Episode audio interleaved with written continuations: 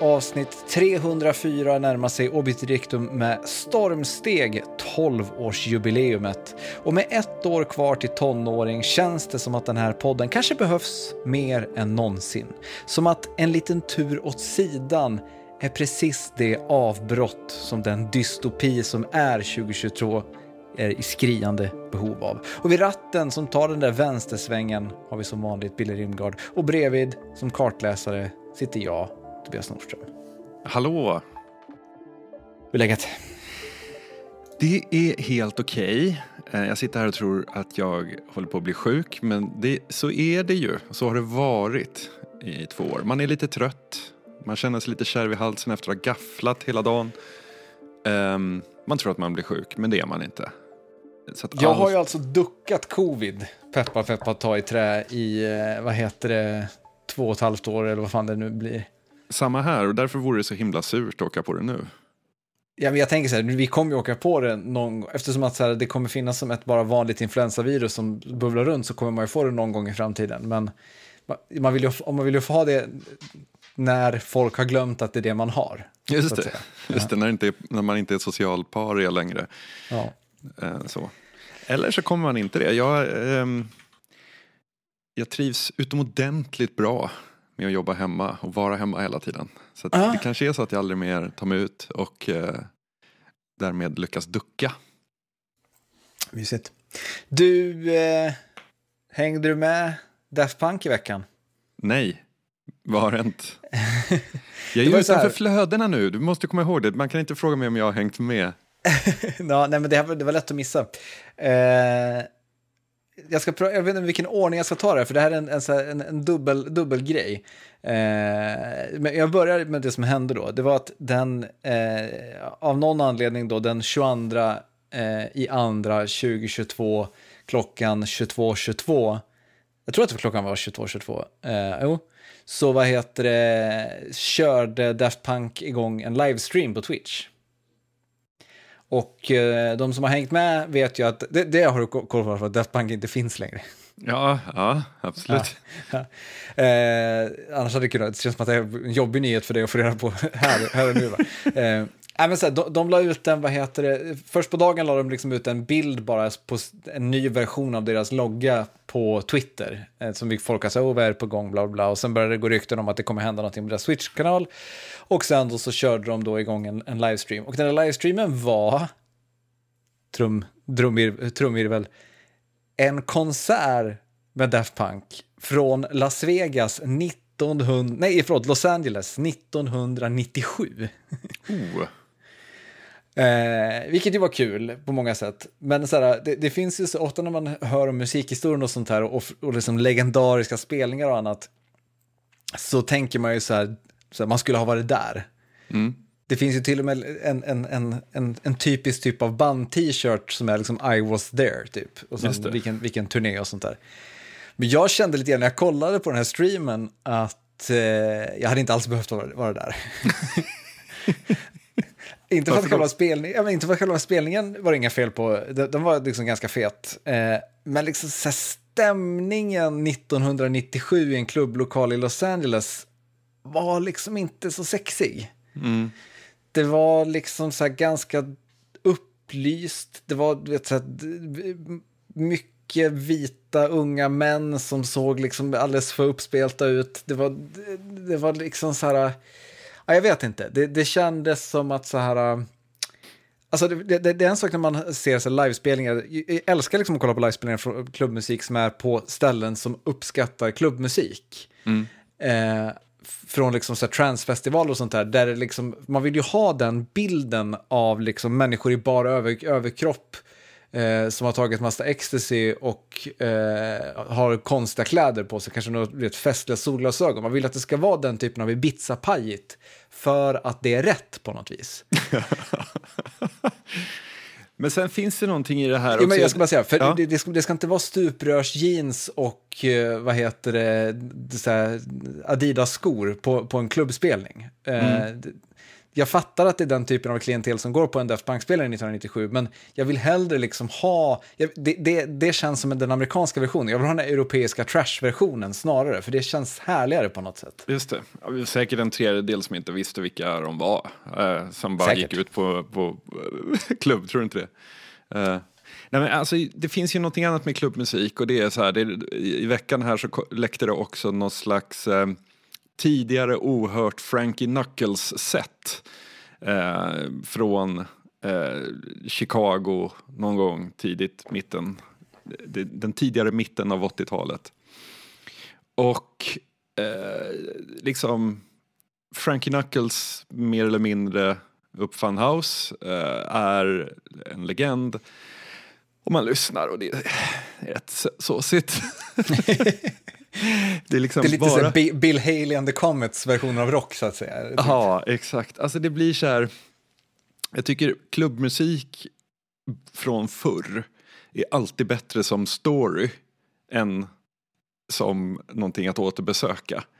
För att det är, den är så beroende av den där unika mixen av platser, personer och stämningar som vi pratade mm. om i mm. nostalgiavsnittet. Um, att den möjligtvis blir intressant som någon slags här, musikarkeologisk företeelse. Så här, hur lät det? Vad, vilka låtar spelades? Vad var det? Men jag tänker att det är så mycket mer. Alltså framförallt om man pratar housen, att det handlar om liksom gayfrågor, medborgarrättsrörelsen. Alltså det är så mycket inblandat som inte liksom går igenom ett, ett DJ-set. Eh, utan som man måste, man kan för all del fill in the blanks själv. Jag menar, man har ju suttit och lyssnat på riktigt risiga bootlegs i sina dagar och bara blundat och liksom försökt visualisera hur den här liksom, arenan eller konsertlokalen ser ut och hur bandet ser ut och sånt. Visst, det kan man göra. Men det, jag tycker att klubbmusik oftast underlevererar. Eh, den, den, den är så starkt knuten till samtiden på något vis. Jo, men sen jag tror du är inne på någonting där just med att blunda och visualisera. För klubbmusik handlar ju om, det, det, det finns inget riktigt bra svenskt ord tyvärr, men immersion. Mm. Alltså, eh, och framförallt då när man lyssnar på klubbmusiken på klubb, vilket ju är där, dess rätta habitat på något vis, då ska man ju liksom bli medsvept och smak och sånt här ska liksom försvinna. Det, det, det är som att gå på fotboll. Eh, eh, det, och jag tror att det är en ganska viktig beståndsdel. Och när man tittar på de här männen som står och kollar på Daft Punk 1997 i Los Angeles, så de är inte immersed, så att säga. Utan de har mer liksom den här uh, pop eh, approachen och står och liksom nickar med och analyserar. Och klubbmusik handlar liksom inte om att tänka, det, det handlar om, om, om, att känna i så mycket större utsträckning på något vis. Mm. Eh, som sagt, att, att liksom svivas med på något vis. Men den andra grejen som jag tänkte på med den här Daft Punk-grejen var ju då att jag snubblade som sagt över det här på, på Twitter och såg att Daft Punk kort trendade i mitt, mitt flöde. Och insåg att så det, det, här med vad man känner när ett namn på något man gillar trendar har gjort en resa. Mm. Och det är att förr i tiden när man såg att namnet på någon eller något man gillade trendade så tänkte man att nu har den jäveln dött. ja. Och det, så, det, det var sant fram tills för några år sedan. Då kom metoo-vågen och när namnet på någon eller något man gillar trendade så väcktes direkt tanken, nej fan, har den jäveln gjort något hemskt? ja. Men jag menar nu att 2022 så går vi in i en ny era. Och det är att när namnet på någon eller något man gillar trendar, då tänker man nej, NFT.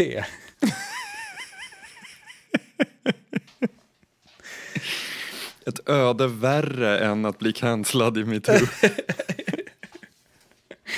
Nej, det, kan, det, är det ju inte såklart, men, men det, det, är ändå så här äh, att man, så här, äh, man skäms ju varje gång någon som man respekterar lite grann ger sig in i NFT-grejen äh, och presenterar någon jävla satsning eller att den har köpt en apa eller vad fan den har gjort.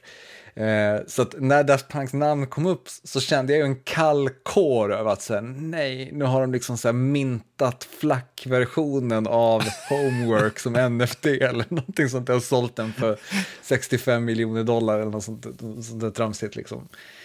Eh, men så var det inte som tur var. Eh, som, jag, som jag fattade så kommer det här uh, konstiga, den här konstiga streamen också har att, uh, var, det, det var del i någon form av marknadsföringsgrej för att det släpps någon form av deluxe-version av Homework uh, i, i, samma veva. Så, att, ja. så det var bara vanlig reklam? Ja, exakt. Gammal ja. god helig reklam. Men ändå så här, man får väl så här, smakfull reklam att man ger bort någonting. Alltså en, en livestream på en konsert är ju ändå bättre än en NFT, mm. Vi ska snart, hoppas jag, få reda på vad USB-minnet från kommando John T. Chance innehåller. Uh, innan dess vill jag bara, här, jag har gjort en självreflektion, eller liksom en reflektion, en uh, självrannsakan kanske. Du vet, har du någon gång varit med om att du har en bild av dig själv du har ett narrativ om dig själv och en bild av dig själv. Sen inträffar någonting som gör att du liksom måste eh, omvärdera allt. På något sätt. Jag har nog inte varit med om, jag har tänkt, alltså man tänker ju så här, vem är jag när det blir krig? Eller vem är jag om man hamnar i den här situationen som är turist, är jag den som liksom springer iväg eller är jag den som tar hand om min familj? Alltså den typen av tankar har man ju, har man ju liksom eh, lekt med. Eh, men jag har aldrig varit med om det personligen. Nej. Det här var inte så allvarligt som ett krig eller en attack, det var på en thai eh, takeaway. så här var, så här, upp, så här var liksom scenariot. Jag skulle hem till en arbetskollega och ta med lunch och vi skulle äta och prata. Um, och uh, han bor i Årsta, jag bor i Fruängen. Uh, jag hade möte fram till tolv. Uh, och för att vara effektiv så ringde jag vid 11.20 innan mitt möte började. Så ringde jag till thaikiosken som ligger här borta och beställde mat och sa eh, jag vill inte att ni gör den nu utan jag kommer att hämta den lite senare. Jag kommer 12.05. Eh, jag har mitt möte som slutar 12. Jag går i lugn och ro ner till bilen, sätter mig, åker bort, parkerar utanför thaikiosken, går in och säger hej. Jag hade beställt rätt A och rätt B. Då tittar han på mig ler och säger till 12.05 right? Jag var japp. Så tittar han på klockan och så säger han hon är 12.05. Alltså det här är helt sjukt. Eh, och jag blir liksom, jag har ju bara tänkt att jag var eh, en eh, planerande, eller liksom att jag, fick, jag löste lunchen här. Ja. Men han kunde inte släppa det Han stod och snackade. Han bara, det här har aldrig någonsin inträffat. Alltså vad lever du för liv? Säger han. Han fick liksom autismvibbar på att du hade ringt och beställt mat till 12.05 och sen kliver in 12.05. Det är liksom Rain Man som kommer in och ska ha thaimat. Det var någonting med den där kommentaren, vad lever du för liv? Har ni lagt alla morotstavar i linje med varandra också, frågade du innan du tog maten. exakt, exakt. Ja, och det fick mig liksom jag, jag, kan straffa mig själv rätt hårt för att jag slarvar med saker, jag glömmer saker, jag missar att betala räkningar, jag missar att utföra olika, ringa och boka en tid hos någon, eh, synkoll. Alltså så här, jag, jag, är rätt hård mot mig själv att jag är, liksom, är lite slack med min admin. Um, men tänker att det ändå är symptom på något gott för liksom, man, den här, jag hatar ju den här myten om att man ska börja med de tråkiga sakerna. För om man gör det så kommer man ju aldrig fram, man hinner ju aldrig göra de roliga då. Så det är bättre att göra de roliga, det vill säga kolla på Twitch i två timmar. Eh, göra det direkt. Eh. Mm. Men sen han stirrar på mig som att jag är värsta ufot. Eh, så nu har jag en identitetskris. Jag undrar om jag är den här eh, liksom kalender, filofaxbitaren eller vad heter kalendernörden. Mm. Eh, som är liksom styrd på klockslag. Vilket man nog kan tro om man tittar på mig utifrån. Att man, det är här... du ju inte. Nej. Jag har aldrig varit med om att du var i tid till exempel. Va? Jag är väl alltid i tid? Nej, du är alltid någon minut sen. Det tycker jag inte. Nej, förlåt. Någon minut sen eller 20 minuter tidig. men vad heter det? Nej, men jag, eh, vad heter, jag tänker så här. Det hade varit en sak om du liksom på riktigt tittade på klockan hela vägen och såg till att du var där 12.05. Det låter ju mer som att det här var lite av en slump. Nej, det var ju utmärkt planerat. Jag visste ju att det skulle sluta 12. Men det är lite som den här saken med att om det är det tur eller inte när man slår en hole-in-one i golf. Man försöker ju slå en hole-in-one, men om man, när man väl lyckas. Du försökte ju komma 12.05 när maten skulle vara klar, men sen lyckades du på grund av minutiös planering av hur långt det tar att åka bilen, eller råkade det bara bli så? Jag skulle säga att det, att det var på grund av bra planering. Jo, bra planering är jag med på, men minutiös planering. Alltså, ja, hade, men... du, hade du i ditt huvud uppskattat hur lång tid det tar att gå ner och starta bilen och köra ur garaget? Ja, för jag, jag tänkte att mötet slutar prick 12. Då skjuter jag mig ut om inte mötet är slut, vilket det inte var, så jag sköt mig ut prick 12. Jag tänkte det tar två minuter att rafsa ihop grejerna, gå ner till bilen. Det tar tre minuter att åka bort dit, så att det var nog liksom... Ja, vi då är det ju Rainman då, helt enkelt. Ja. Jag får omvärdera. ja. Um, berätta. Vi vill veta. Alltså för de som inte lyssnade på förra avsnittet så kom det alltså ett brev signerat Kommando John T. Chance med ännu ett USB-minne. Eh, och vi hade ju viss farhåga här för vi har ju betat av den här 20 filmer långa noir-filmslistan och är på plats tre eller fyra nu. Um, vi var lite oroliga att den skulle förlängas eller att den på något sätt skulle ogiltig förklaras eller någonting. Men jag vågade inte stoppa in USB-stickan i min dator utan skickade den till Tobias som har lite bättre säkerhet. ja, min airgap-lösning har fått jobba hårt med den här podden. Det var för eh. de här tillfällena när du satte upp den. Exakt. Eh, nej, men så här, det, det, goda nyheten är att den här USB-stickan var från John T. Chance. Det var inte någon som, eh, ut, ut, um, eh, som utgjorde sig för att vara, eh, som, vara det, utan det var äkta vara. Tror jag i alla fall, men det är annars en väldigt märklig, märklig fint om det, inte, om det inte är John T. Chance. Eh, det här USB-minnet hette, hade volymnamnet Alpha 60. Eh, inte helt säker på vad det betyder. Eh, men innehåller bara en enda fil. Och det är -hmm. filen kommuniké.png. eh, och eh, PNG då för de som vet, eh, det är ju, ja det vet väl alla vid det här laget, det är bildformat. Så öppnar man den här, då är det en in, ett inskannat maskinskrivet brev. Eh, som lyder som följer. Kommuniké. Vi, den goda kulturens väktare och upplysare, respekterar det film noir-puritanska synsättet och följer med stort intresse den akademiska diskussionen. Vi ville dock inte själva låta oss begränsas av dessa bojor. Kommandot har i listans sammanhang behandlat film noir inte som genre, utan som stämning. Detta eftersom begreppet i sig är omtvistat och att det inte blev etablerat förrän i efterhand. Den stora anledningen till den liberala hållningen var dock att kunna predika Billy Wilders namn och plats i filmhistorien.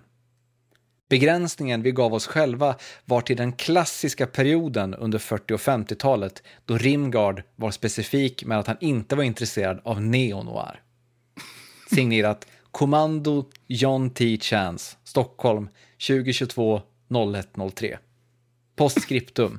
Vi vill, vi vill vara tydliga med att vi ej försvarar kul, kulturpiratkultur, men ibland måste vertikala skugggränder från medlen falla över ändamålet.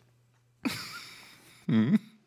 Sen är det också ett litet, vad heter det, inte ett monogram, vad heter det när man har som en liten eh, logga?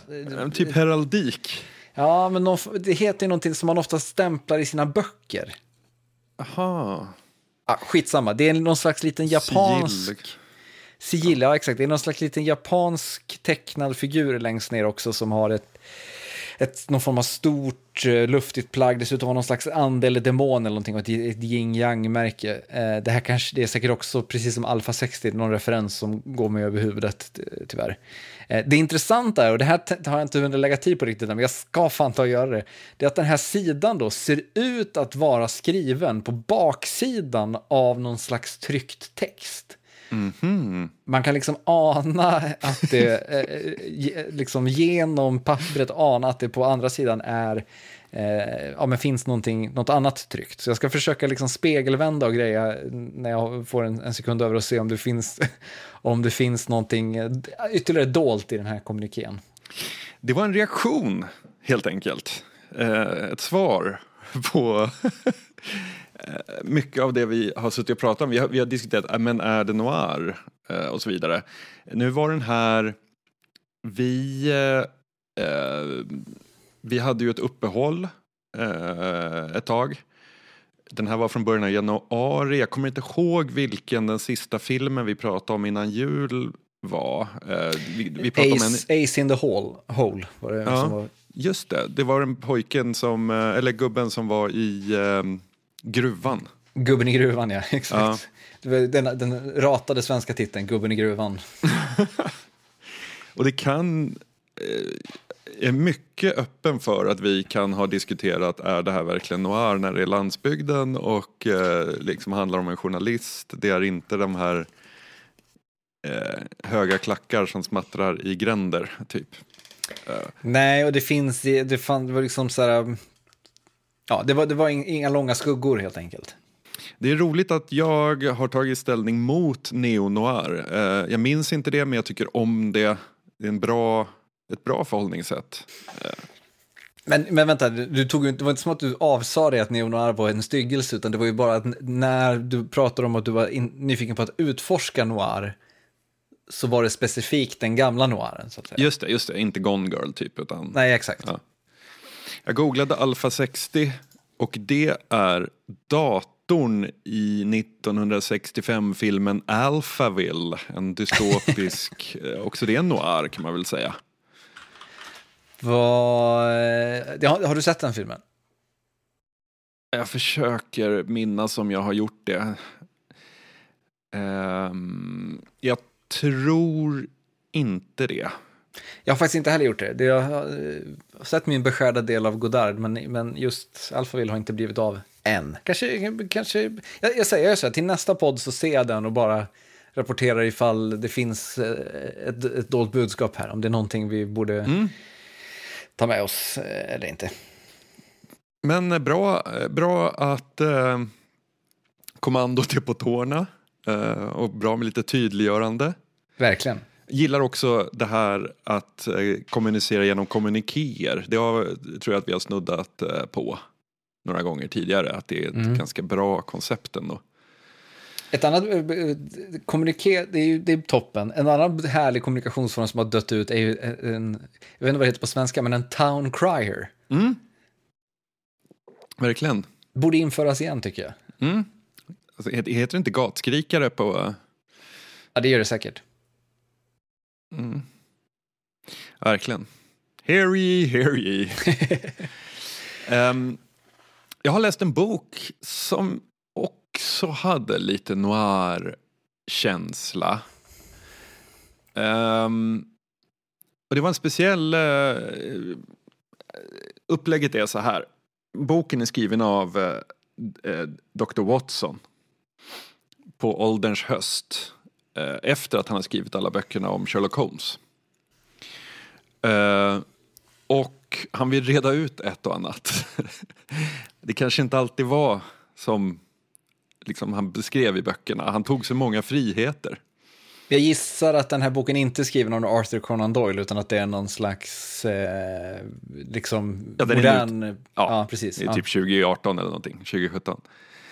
Um, ehm, han tog sig friheter i narrativet för det fanns saker som han uh, inte kunde berätta om och därför var han tvungen att lägga vissa saker till rätta. Och här ska han då berätta den sanna storyn. Så att den här boken utspelar sig eh, innan den första Sherlock Holmes-boken. Eh, och det är i denna bok som de träffar varandra för första gången. Och anledningen till att han inte, att han var tvungen att tassa runt det här under hela sitt liv är att de stöter på diverse onämnbarheter. Eh, de lär sig om eh, de gamla gudarna som sover nere i djupen. Mm. Men som har genom en kult i Londons eh, skumraskvarter ledd av eh, en viss professor Moriarty som försöker nedkalla Nyarlathotep. Eh, då liksom, ja, The, Shad The Shadwell Shadows heter den, jag ska inte spoila kanske. Jo, det känns, som ett, känns som ett frontalangrepp på allt det Arthur Conan Doyle stod för med Sherlock Holmes på något sätt. ja. det, för mycket av det, det är väl så här, den är väl på många sätt ett, alltså berätta, jag har inte läst, ska jag villigt erkänna, någon eh, av böckerna om Sherlock Holmes på riktigt. Eller på riktigt, man har, sett, man har, man har sett filmer och, och, annat, adaptioner av dem och så vidare, men aldrig faktiskt läst någon av böckerna.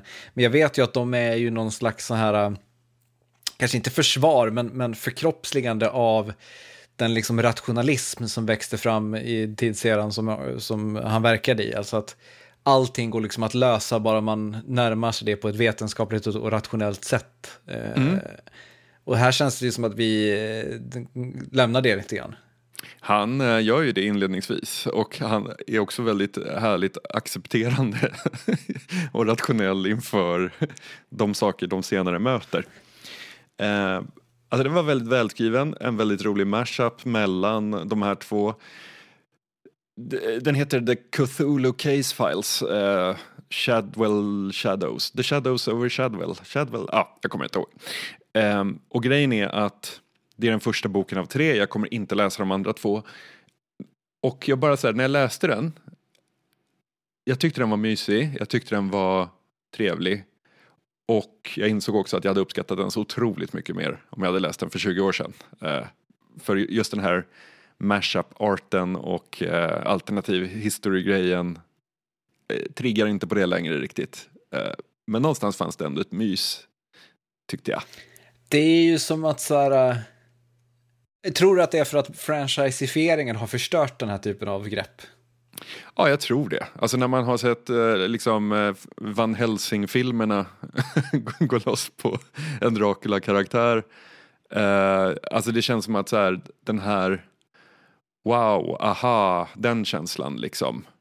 Jag kommer ihåg när jag läste en serietidning där, jag tror att det är Neil Gaiman som har skrivit den. Det är Marvel-karaktärerna, alltså X-Men, eh, X-Men-figurerna, fast på typ 1400-talet, 1500-talet, någonstans där. Uh, och jag bara kommer ihåg så här, mind blown, det här är ascoolt typ.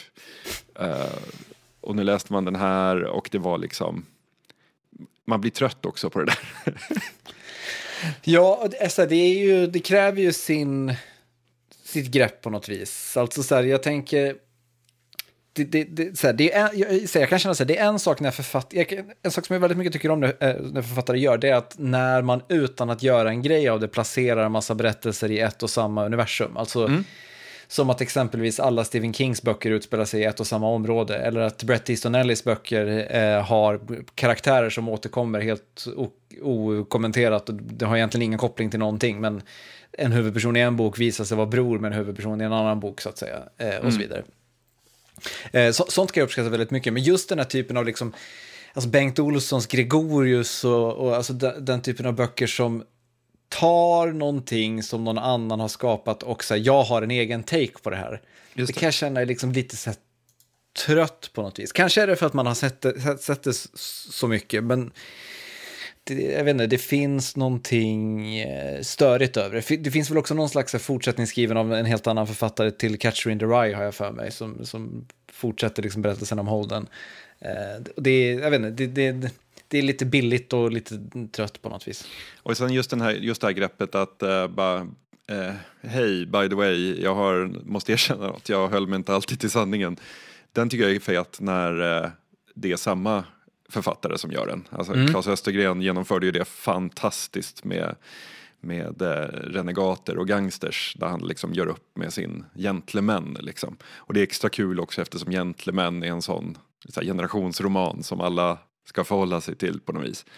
Eh, då tycker jag att det är superkul och kan vara jätteeffektivt. Eh, men när det är någon annan, ja men det blir lite för mycket fanfiction. Eh, mm.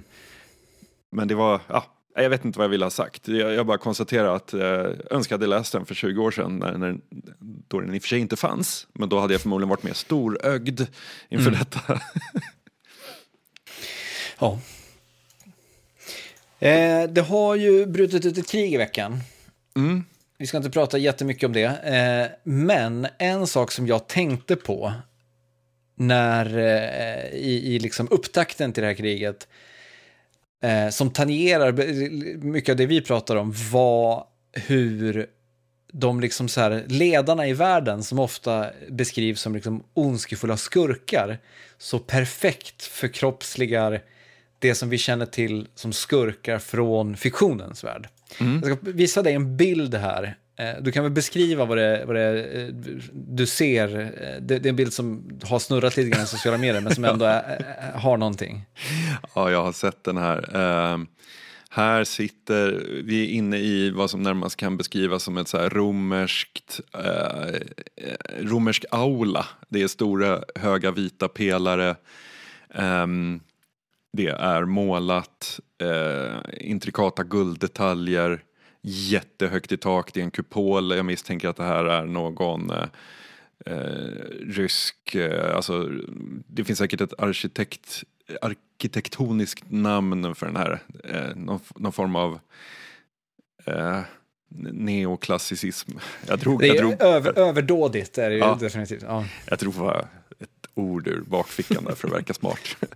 um, och så sitter Putin vid ett skrivbord eh, som är någon sån här, det, det finns något tsariskt tsaristiskt över bara själva skrivbordet för att det är vitt med gulddetaljer i eh, sen 1800-talsstil. Eh, och så sitter han och pratar med några som sitter på vanliga enkla stolar i en halvcirkel runt honom men de sitter ungefär 20 meter därifrån i den här stora salen. Eh, och man ser en bronsstaty och den ryska fanan som vajar. Jag tänker, det, det, här är ju liksom... Ja, alltså det här är ju en Bondskurk. Ja, ja, ja. Absolut. Och jag, en sak som slog mig då, för det var det första jag tänkte när jag såg den här bilden, Bondskurk. Och så tänk, började jag tänka så här, är det att de här, den här typen av ledare, vi har, vi har pratat mycket om till exempel Kim Jong-Uns tåg, de här mm. sakerna. Är det att de här ledarna eh, liksom dras till den här typen av estetik för att den liksom symboliserar makt eller överdåd eller liksom kontroll och, och alla de här sakerna? Eller är det så att det här är en egen form av liksom estetik som inte är västerländsk och som därför har använts i västerländska berättelser för att liksom lyfta fram ett, ett liksom, eh, annorlundaskap hos de här ledarna. Fast kollar du Washington DC så ser du ungefär samma typ av arkitektur, just de här pelarna. Jo, och... pelarna, pelarna finns ju där, men jag menar, ovala rummet är ju berömt för att vara väldigt, väldigt litet till exempel. Jo, men alltså jag, jag tänker så här, nu kanske det är så att Trump eh, var en sån som avundades eh, Putin och Kim Jong-Un och så vidare, de, de starka ledarna. Um, men jag reflekterar över det så många gånger när det liksom läckte bilder från, eller läckte, när, när det var ute och snurrade olika typer av pressbilder från deras här julpyntande och så konstiga redecorations. Eller när de hade stageat inför presskonferenser och sånt där. Och man bara, men det här är ju helt sjukt. Alltså så här, vad har jo, men, man för, typ men, förlåt, av... men Trump är ju också en bondskurk. Definitivt, definitivt. Men jag menar den typen av ego som man måste ha och så upplåst man måste vara för att sitta på en bokstavlig tron eh, och bara så här tycker det känns rätt fett. det är ju liksom... ja. ja. För jag menar så här, det, det, de flesta som ser det här skrattar ju. För att ja. det, är liksom, det, det, ser bara patetiskt ut. Så jag är också liksom lite osäker på, visst att de kanske tänker att det eh, symboliserar massa, massa saker, men det symboliserar ju inte de sakerna egentligen. Fast det är väl så här, är inte det här, alltså inte det här en statsledares version av att rulla in i en Lamborghini i Tylösand och kliva ut och låta Rolex-klockan glänsa i solen? framför uteserveringen. Alltså, är inte det samma typ av så här manlighet som ska visa upp eh, det här totalt osmakliga? liksom. Jo.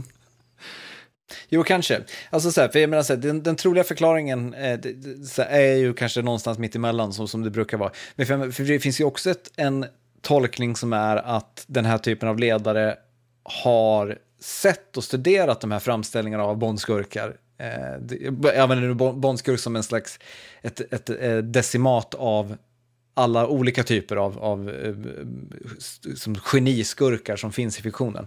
Eh, och inspirerats av dem. För, eller, eller så här, nej, jag, jag steker den tanken innan jag har sagt den klart. För det, jag tänker så här, det är väl snarare så att eh, de, de, den typen av skurkar väl, i fiktionen är väl snarare inspirerade av ja, men gamla typer av, av ledare som kungar och sånt. Eh, så är det väl säkert.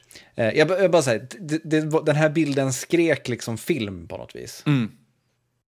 Ja, det, alltså, och det är så jag menar, eh, jag tänker när så här, Obama var eh, president, han ville ju gärna bli fotograferad medan han arbetade. Det var mycket böcker, eh, lösa papper, pennor, skrivbord. Avtagen kavaj och uppkavlade ärmar. Och uppkavlade ärmar i dialog med andra, aldrig på tronen utan med i ett samtal. Alltså det, där var det så medvetet liksom vad han ville signalera med det. Um, och när man ser de här bilderna så bara tänker man så här, vad pågår i den här lilla skallen som gör att man vill kommunicera ut den här bilden av sig själv? Uh, det är ju, ja, det, det är fascinerande måste jag säga. Men så här, å andra sidan är det effektivt för att jag menar, i den här bilden, det råder ju ingen som helst tvivel om vem det är som bestämmer så att säga. Nej, nej, nej, nej. Visst, visst ska man etablera ska man etablera det så, för all del. ja, jag, vet inte, det, det, jag fann bara någonting så här, någonting lite ironiskt i att eh, skurkaktiga ledare världen över så villigt förkroppsligar en skurkestetik så att säga. Det, det, det, det är märkligt. Jag blev, blev plötsligt jättesugen på att läsa en eh, bok om hur ledare i olika länder och genom tiderna har valt att porträttera sig själva eller har valt att liksom rama in sig själva. Men jag orkar inte googla så att om någon har, jag tänker att någon i vår crowd ändå vet titeln på den perfekta boken för detta. Eh, statsledarens estetik kan jag tänka mig är rubriken, på, titeln på boken. Eh, Mejla till billy.oddpod.se. Um, The Silent Sea på Netflix. Har du sett den? Visst är det nu, jag har kollat så mycket jävla tv-serier på slutet, men Kor visst är det nu den koreanska där de är på månen? Ja. Ja, mm, och där sett den. Uh, på många sätt en jättefin liten serie. Uh, isolerade människor, utsatta människor på isolerad plats möter okänd fara. Om man tar sig igenom det första avsnittet som var liksom en total pajas eh, pajasuppbyggnad med dålig CGI och onödig action och eh, man förstod ingenting och sen så resten av serien blev den jättebra, tycker jag. Det, är, upp, det, är väl, det, det, är väl mycket att de går igenom setupen i första avsnittet. Det, det råder vattenbrist på jorden eh, och jo, man har sen... då bedrivit forskning på Mars för att råda bot på det här.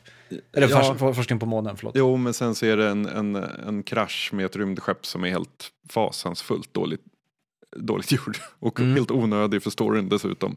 Eh, men man kände, jag var inne här om eh, här om avsnittet så var jag inne på Alien-böckerna eh, och problemet med att man det räcker med att göra en grej, men man vill lite mer. Alltid mm. lite mer. Och det där är en bra, ett bra exempel på det.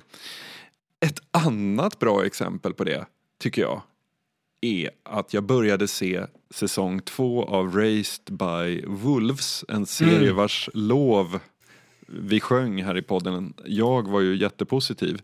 Kanonstart på den nya säsongen. Kanonstart? ja. det är ju en fars. Vad är det som pågår? Varför?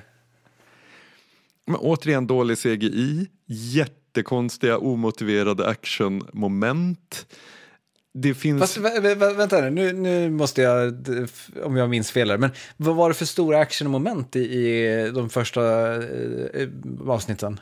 Ja men okej, utan, vi ska inte spoila för mycket, men det här sker typ en kvart in i avsnitt ett, så att man blir inte så spoilad.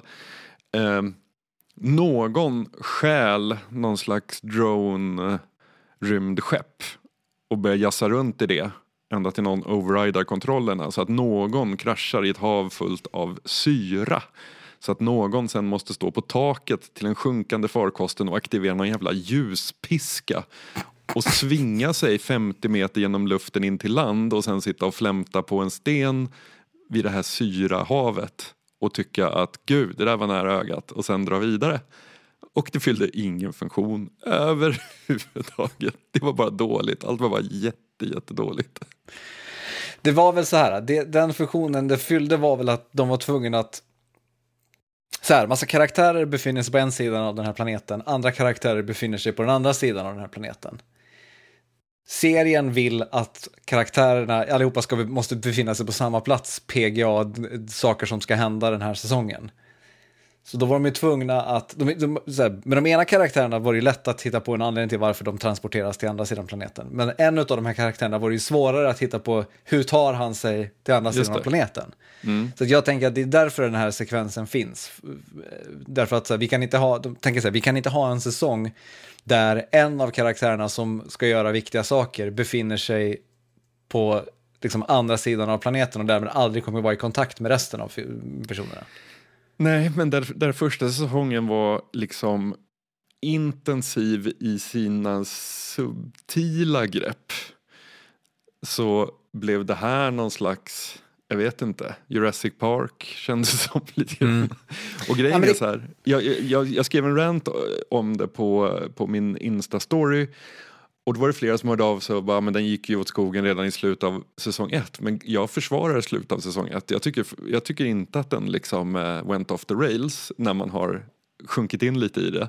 Men nu så har jag jättesvårt. Jag har sett de två första, jag kommer ge den några till men alltså... Ja, tråkigt. Jag tycker ju alltså slutet på första säsongen went off the rails, men på ett, ett liksom bra sätt. Därför att så här, det, det behövde också ske på något vis. Alltså det, det, det, den situationen som var i säsong 1 behövde liksom eskaleras radikalt för att få någon form av känsla av att de här sakerna som, som hände leder någonstans. Men, men det jag gillar väldigt mycket med starten på säsong två det är ju det skiftade perspektivet. Alltså i Raised by Wolves värld, det här är liksom ingen direkt spoiler, så, så är, är det ju liksom krig mellan två olika fraktioner. Och den första säsongen fokuserade ganska mycket på den ena fraktionen, den andra säsongen har ett mycket tydligare fokus på den andra fraktionen. Eh, och jag tycker att den här andra fraktionen är mycket mer intressant, därför att den lever ju under ett samhälle styrt av en AI och utforskar mycket idéer om så här, vad innebär det? Det här är liksom utopin för de här människorna, men är, hur fungerar den utopin egentligen? Hur, blir, hur skapar den konflikter i människorna som, som lever i den och så vidare? Det tycker jag funkar väldigt bra. Det, och det, det, jag tycker att det, det finns jättemycket intressant där som också är helt annorlunda mot det som var intressant i säsong 1 och det kan jag uppskatta. Men en sak som jag, jag tycker ändå så här, tangerar som, som är relevant med de här actionsekvenserna, jag håller med om att så här, det kanske är lite, lite tramsigt. Det känns ju som att så här, en feedback som kom från HBO efter säsong 1 var säkert så här, behöver hända lite mer i säsong 2 känner vi. ja.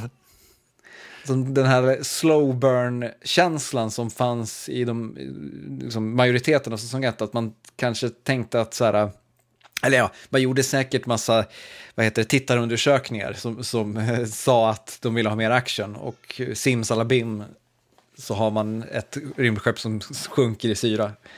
Eh, så att, du, har, du har definitivt en poäng där, men, men jag tycker fortfarande att det finns en väldigt, väldigt intressant kärna här. Om än en annan kärna än i, i säsong 1. Mm. Men det är kul, jag har hört andra som också tyckte starten på säsong 2 var asdålig. Så att det, jag, snart är jag väl helt ensam om att fortsätta titta, men det kan vara ganska härligt det också. Vi får återkomma till den när... Eh, jag kan hänga med säsongen ut om det inte bara blir total pajas. Eh, så kan vi köra ett litet uppsamlingshit som vi gjorde efter den första. Alltså man vill ju, alltså så här. Jag var ju så glad när vi hittade Race by Wolves, för äntligen så fick jag någonting att vara helt helt ofiltrerat peppig för. Jag har ju suttit och gnällt här många år om att allt, allt är undermåligt. Uh, nu, nu gav den mig rätt ändå. Allt var bättre ja, förr. Men tänk så här, eller, eller så bara kan du se dem som säsong 1 och säsong 2 som olika saker. Alltså att så här, säsong 1 var det där. Just det. Säsong 2 någonting annat. Mm. Det låter sen. Ja, lite så. Precis som att liksom Alien 4 pissar inte på ettan och tvåan. Nej, just det. Just det. Hörru du, det börjar bli dags för den där stunden i Oddpod när vi beger oss till den här världen som eh, team, nej, kommando John T. Chance har eh, skänkt oss. Um, och vi är framme vid film nummer, vad, vilken är det på listan? Är det fyra? Fem är vi framme vid. Femman. Laura um, heter den, från 1944. Stämmer bra. Um, ska, plotten uh, kan man ju ja, dra först. Klassisk mordgåta, får man ändå säga på ett, ett sätt. Uh, handlar, uh, så grundplotten är så här, Laura har blivit mördad. Bängen kommer och börjar nysta i det här och det finns framförallt två stycken figurer som är lite, lite vad ska man säga, mystiska. Det är Shelby Carpenter, spelat av Vincent Price, och det är Waldo Lidecker, spelat av Clifton Webb. Riktigt bra karaktärsnamn på båda de här. Också extremt bra stil på Shelby Carpenter när han ligger i badet med en skrivmaskin på typ Nej, det, det är Wildo Lidecker som ligger just i badkaret. Det, just det.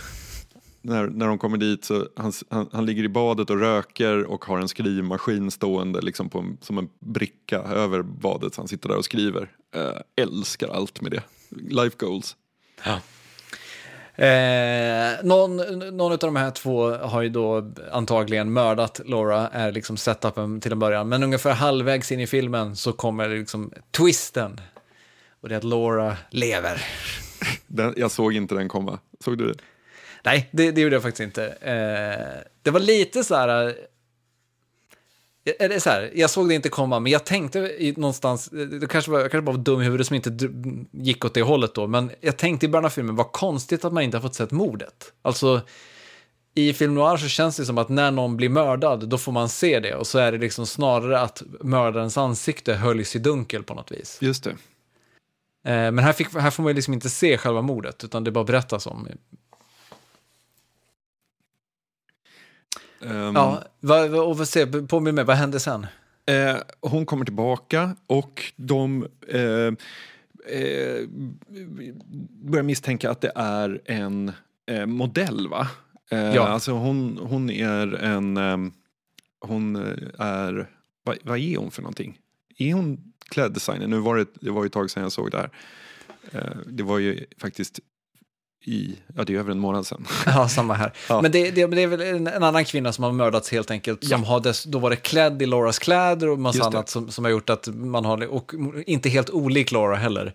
Eh, vilket då har lett till att, eh, det här är liksom inte, det är inte, det är inte 2015, man kan inte gå in på Facebook och kolla vilka Laura var vän med så att säga. Nej. Och han, eh, snuten söker ju Waldo Lydeckers um, ehm, eh, han, han är i, i, hans lägenhet och söker och hittar en klocka. En klocka som han har sett i Lauras apartment. Eh, och när han undersöker den här klockan närmare så visar det sig att den har ett hemligt fack. Eh, och eh, det, där de har gömt vapnet va? Mm.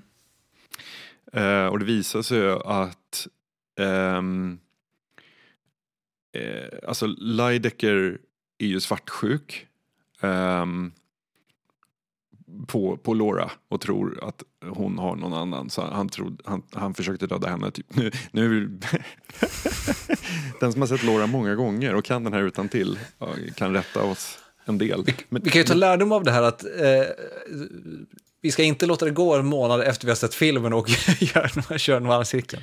Det är force man gör på två fronter ändå. Exakt. Ja.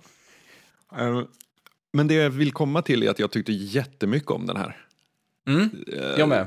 Jag, jag, hade liksom laddat upp att bara vara eh, superpositiv för, eh, för, om den. För det som du säger så är den klassisk whodunit. Men jag tycker att den gör Alltså för att vara från 1944 så är det ju en väldigt okonventionellt berättande ändå. Sättet som man liksom får börja när han, polisen ska runt och förhöra folk och den här tidningspersonen bara, ja men jag, jag ska skriva en eh, story om det här, jag hakar på dig, typ. Eh, och man bara känner att det är massa här som inte är rätt och det är liksom, men vad är det som inte är rätt? Och jag, jag tyckte den var extremt svår att läsa. Eh, numera tycker jag att filmer oftast kanske är lite för lätta att läsa. Mm, mm. Nej, men jag håller med, den, den är väldigt välskriven eh, och håller ihop otroligt bra och känns som du säger ganska okonventionell. Eh, och, och, väldigt spännande. Men sen, alltså, det är också så här, det, det finns vissa saker som är väldigt noir också. Det, det, alltså, jag tycker dialogen är fantastisk. Ja. Eh, och eh, Dana Andrews då i rollen som snuten eh, Mark McPherson är liksom toppen tycker jag. Det, sättet han tar sig an de här det, människorna i någon form av halvtoppskikt i samhället är eh, ja, men assnärtigt verkligen. Ja. Det, det liksom är saker som så här, han säger någonting eh, stöddigt till, till en kvinna och eh, mannen som står bredvid, hej, don't talk to her like that. Och han svarar med shut up. till en, alltså, han är liksom hård utan att det blir töntigt på något sätt. Eh, det, det, det, det, han funkade väldigt, väldigt bra som den här bryska noir-mannen på något sätt. Ja. Nej, men den var eh, bra flyt, bra dialog, bra namn, bra, bra minnesvärda scener. Uh, ja, en riktig, riktig njutning måste jag säga. Vad, vad är i store för oss till om två veckor? Ja, men vänta nu, bara säg, vi, vi, trots kommunikén vi kommer väl liksom inte vad heter det, avstå från att ställa frågor som var en noir? Nej, definitivt inte. Eh, men jag tyckte den var besvarad i och med att du sa den känns väldigt noir. Jo, jo det är sant. Det är, eller, så, vissa saker känns väldigt noir. Men, men ja. så här, det, det, jag, jag, tycker det här är noir, men, men kanske att den, eh, vad heter det, är, hmm, hur ska man säga, det, det, så här, det, den är samtidigt inte särskilt komplicerad på sätt, på sätt som många andra noir-filmer vi har sett. Den är ganska straight forward liksom, på, på, på ett, på ett onoirigt vis. Men, men, men, jag är ganska ja. enkel, jag tänker så här, trenchcoats, hattar, rökande män med snabba dialoger och a dame to kill for, eller to kill kanske. alltså ja. den har ju, den, den tickar ju i de boxarna som man gillar med som man både gillar och ogillar med, med den gamla tidens film. Yes. Eh, nästa noir-cirkel eh, då, och nu börjar vi röra oss in på målrakan här. Det här är alltså då placering nummer fyra på John T. Chans eh, lista. Efter det här så har vi topp tre kvar. Eh, det är en, en film som heter The Sweet Smell of Success från 1957 eh, med Burt Lancaster och Tony Curtis i huvudrollerna. Eh, tunga namn såklart. Mm. Eh, regisserad av Alexander McKendrick. Den har 100 av 100 på Metacritic. Uh. Det kanske andra uh. några filmer har haft också, slår det mig. Jag har inte kollat, kollat jättenoga, men det är ändå ett, ett otroligt score. Gud vad kul. Det är så peppad. Mm. Segern och sötma är den svenska titeln. The Sweet Smell of Success alltså ser vi till, eh, till nästa avsnitt, eh, nästa installation av Noir-cirkeln. Grymt. Men eh, du, då får vi tacka för idag. Ja, det finns väl inte så mycket mer att göra. Nej. Nej. Och ni tar det lugnt där ute så, så hörs vi snart igen. Ha det fint. Hej.